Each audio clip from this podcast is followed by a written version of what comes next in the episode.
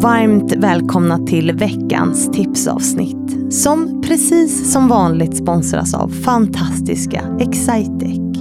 Veckans gäst är Sinat Pirzadeh. Komikern som brukar kallas för Sveriges roligaste invandrarkvinna.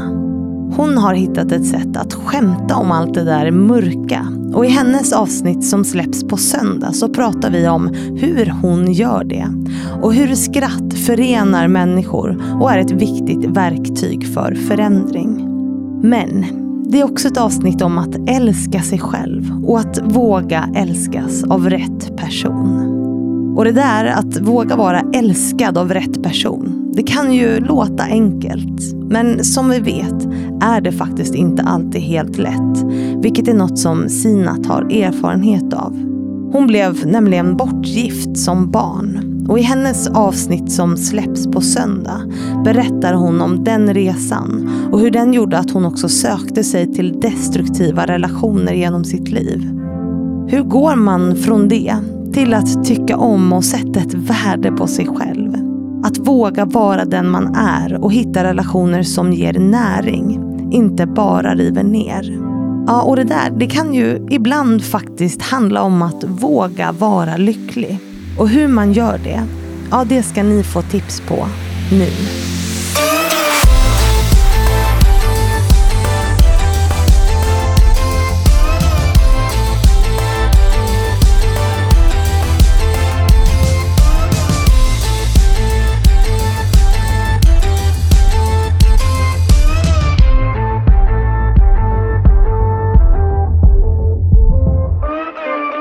Vi säger välkommen till Sinat Pirzadeh. Tack så hjärtligt mycket Fanny. Jag är så glad att vara här. Ja, vi har precis haft ett, ett um, väldigt uh, filosofiskt samtal känns det som. Eller har jag fel? Nej, det kändes så att man fick uh, liksom jobba lite och tänka, tänka lite extra och så när man ska svara.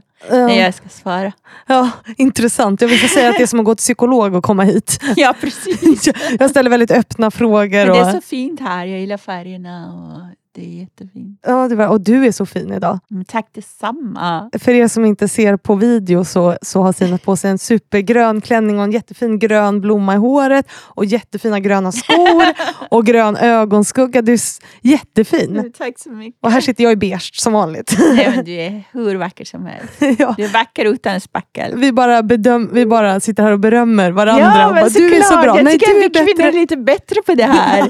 vi kvinnor ger varandra komplimanger jag tycker det är en väldigt vacker egenskap som vi har. Jag stannade en tjej på, på stan en gång och bara, gud vad du är vacker. Jag bara, det här får du säkert höra hela tiden. Hon bara, Nej, jag bara, nej men då vet du det nu. Jag tycker du är otroligt generöst, vacker. Generöst av Jag tror you made her day. Liksom. Mm, men jag tycker man borde göra mer sånt, eller hur? Ja, men absolut. Jag, jag gör det faktiskt också till män ibland också, men då tror de att jag raggar. Ja, såklart. Men du, till och med inte tittar på dem, då tror du raggar upp. ja.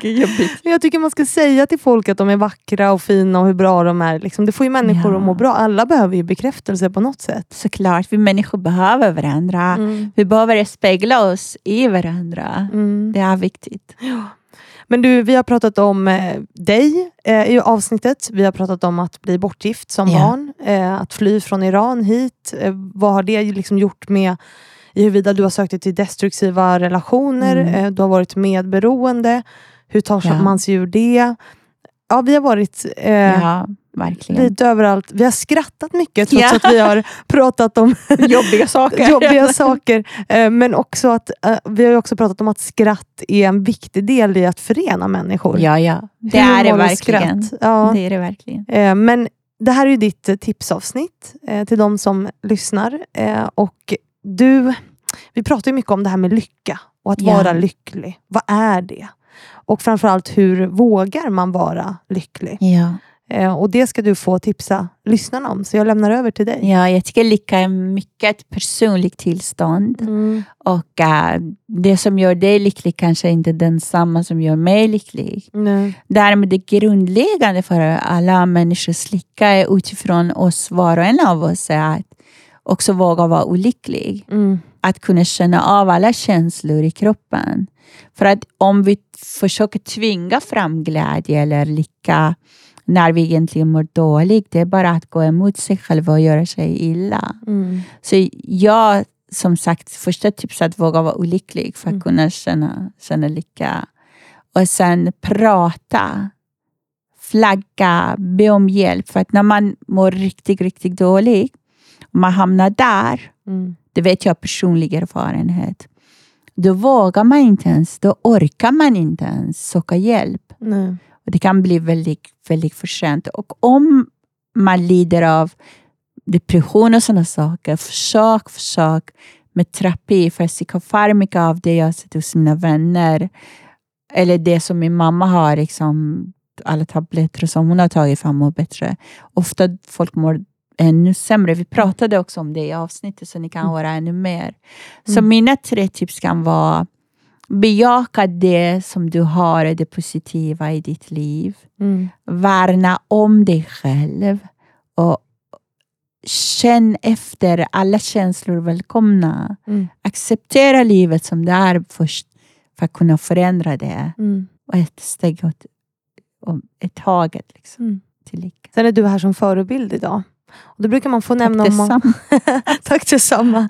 Men då brukar man få säga om man har, själv har några förebilder. Jag har du det? många förebilder, herregud. Ja, det är Så. många som svarar så. Ja, ju- men min största förebild har alltid varit min mormor. Okej. Hon var en riktig krutkärring kan man säga. Lite som dig då. Ja, precis. Oh, yes! Vad var det hon sa till dig? När du inte har några problem så är du Då är död. du död.